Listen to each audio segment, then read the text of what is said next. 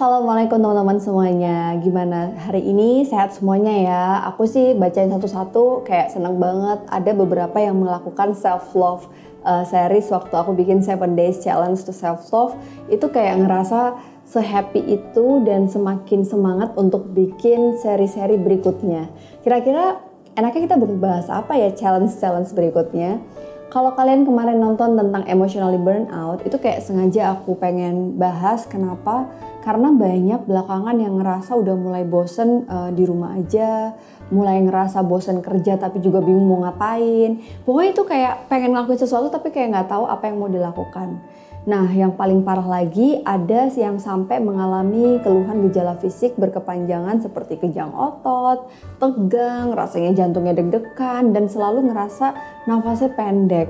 Oke, teman-teman, kemarin di tujuh uh, tanda-tanda orang yang mengalami emotional burnout atau kelelahan secara emosi yang terjadi atau termanifestasi dalam bentuk gejala fisik, pikiran, perasaan, dan menetap dalam kondisi kurun waktu yang nggak sebentar walaupun udah istirahat tapi rasanya kok masih capek itu artinya mungkin bisa jadi kita mengalami kelelahan secara emosional. Nah gimana caranya teman-teman? Pertama bisa kamu melakukan body scanning. Sebelum kita ngomongin tentang perasaan dan pikiran ya itu kan sesuatu yang intangible banget. Kamu rasain dulu deh teman-teman tubuh kita itu sekarang lagi ngomong apa. Coba teman-teman bisa pegang mulai dari ujung kepala sampai ujung kaki itu tuh apa sih yang dirasain? Karena kadang-kadang saking sibuknya kita di rumah tuh kan lebih sibuk loh sebenarnya. Kayak pengen produktif pengen produktif padahal sebenarnya nggak harus se seaktif itu gitu. Kayak terbiasa di luar rumah merasa kalau di rumah itu nggak produktif. Padahal di rumah tuh kerja juga. Jatuhnya kita ngerasa kerja kita 26 jam dan kita mengalami kelelahan emosional. Dan emotionally burnout ini salah satu cara uh, ciri-ciri yang cukup uh, kental adalah kita mulai udah nggak peduli loh sama tubuh kita diri uh, tubuh kita sendiri teman-teman. Jadi inilah pentingnya buat teman-teman mengambil jeda untuk bisa cek. Mengambil jeda ini nggak usah yang seminggu cuti juga gitu. Kayak diem dulu deh coba cek kepala dirasain lagi mana yang bagian mana yang sakit. Aku tuh ngerasa juga saking sibuknya kadang-kadang kalau terlalu sibuk sini kencang itu tuh baru kerasa kalau kita udah diem jadi kalau pas lagi beraktivitas, kita tuh nggak ngerasa tubuh kita sakit. Nah makanya jeda sejenak untuk merasakan sakit kita di sebelah mana ya. Oke, terus tangan, ini pegelnya di sebelah mana ya? Pinggang gitu kan, sampai kaki. Nah kenapa ini penting? Karena emotionally burnout ini beberapa kelelahan psikologis ini memanifestasikan uh, bentuknya sebagai sebuah keluhan fisik jadi kita juga harus tahu mengenali dulu gejala fisiknya seperti apa dengan body scanning tadi. Nah, kemudian yang kedua adalah scanning emosi nih. Caranya gimana? Ya kita harus acknowledge atau mengakui uh, apa yang sedang kita alami dalam kejadian belakangan.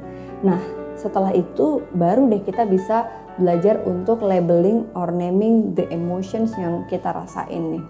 Oh ternyata gara-gara kejadian kemarin aku sedih ya. Oh ternyata gara-gara um, aku kemarin gagal, aku tuh mengalami sebuah kekecewaan yang mendalam ya.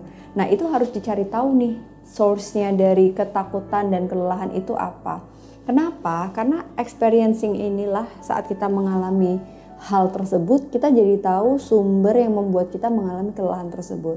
Nah, yang ketiga adalah jangan lupa untuk istirahat yang cukup, teman-teman. Walaupun rasanya istirahat tidak tidak mengobati kelelahan kalian, tapi dengan memberi membiarkan diri kita untuk tidur, kemudian uh, bersenang-senang, untuk makanan yang bergizi, menikmati hari-hari kita dengan rasa cinta yang lebih terhadap diri sendiri, take care to yourself, ini bisa membuat kita jadi lebih punya energi baru loh tanpa disadari. Jadi kayak walaupun belum kerasa nih efeknya, keinginan ini harus tetap ada gitu. Karena kalau keinginan ini udah nggak ada, ini menjadi salah satu tanda-tanda kalian mengalami emotional burnout yang sudah tidak peduli lagi sama diri kalian. Jadi harus banget dan butuh sekali untuk kita uh, memberikan ruang kepada diri kita untuk istirahat dan memberikan kasih sayang dengan aktivitas yang memang bisa membuat kita sehat secara fisik. Oke, terus apalagi nih teman-teman?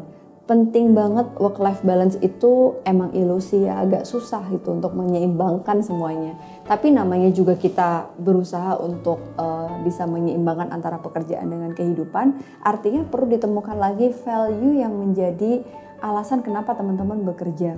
Dengan value itu, pada akhirnya kita akan bertemu dengan lingkungan sosial yang punya value yang sama Nah, mencoba untuk memiliki satu kontak dengan lingkungan sosial itu salah satu cara kita untuk bisa meningkatkan mood kita terkait sama kondisi yang lelah tadi secara emosi. Coba deh, mungkin selama ini kita yang menarik diri dari lingkungan teman-teman kerja kita. Coba untuk lebih sociable lagi ketika misalnya istirahat makan siang, terus kemudian ketika diajakin buat jalan um, apa keluar gitu ya. Nanti kalau pandemi udah nggak ada ya. Tapi kalau selama pandemi ini misalnya diajakin untuk uh, zoom ngobrol di zoom, untuk chit chat telepon video call teman lama itu mungkin bisa membuat kita lebih berinteraksi uh, dengan lingkungan yang sudah lama tidak connect dengan diri kita itu bisa dicoba nih teman-teman. Oke, terus apalagi nih yang bisa kita lakukan adalah untuk membuat manajemen waktu yang lebih baik lagi.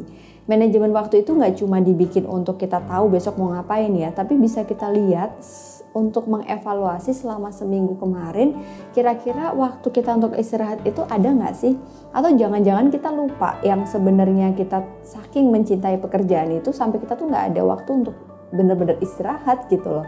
Ini sering terjadi nih teman-teman, apalagi buat kerjaan yang memang itu menyenangkan buat dia. Aku juga uh, sempat kayak detect gitu beberapa kali mengalami burnout karena merasa kerjaan ini tuh adalah passion. Padahal sebenarnya ketika diminta untuk uh, tubuh ini istirahat, aku meminta diriku untuk istirahat, baru kerasa waktu diam, capek juga ya. Oh, berarti saatnya aku untuk mengurangi beberapa aktivitas. Nah, manajemen waktu ini juga bisa untuk menjaga kita dari load kerja yang terlalu eksesif atau berlebihan. Oke, okay, terus yang perlu kamu uh, lakukan kalau mengalami emotional burnout yang memang nggak tahu lagi, please Jangan lupa untuk ekspresikan perasaan kamu kepada orang lain karena penting untuk kita menceritakan uh, situasi yang sedang kita alami. Bisa teman, bisa sahabat dan ini bisa membuat kita menjadi lebih rileks dan mungkin kadang-kadang masukan dari orang lain itu juga menjadi salah satu cara kita untuk meningkatkan self awareness. Dalam kondisi kita sedang mengalami kelelahan bekerja atau kelelahan apa pun secara emosi dan mental, ini bisa kita tanggulangi dengan salah satu kunci nih. Apa itu? Self awareness. Jadi self awareness ini akan membuat kita sadar kapan saatnya kita berhenti dan kapan saatnya kita berlari. Nggak apa-apa kok kita nggak selalu harus berlari. Yang penting kita menyadari semua yang kita kerjakan hari ini. Semangat teman-teman semuanya. Kita sama-sama berdoa ya semoga pandemi ini segera berakhir dan kita bisa sama-sama ambil break time untuk melihat dunia baru gitu ya, tapi dengan perasaan yang tenang dan tanpa perlu was-was seperti saat ini. Tapi tetap ya, jaga diri kamu di tengah situasi ini, karena dengan menjaga diri kamu, kamu bisa menjaga keluarga kamu dan orang di sekitar kamu. Terima kasih udah nonton Osa Channel. Assalamualaikum.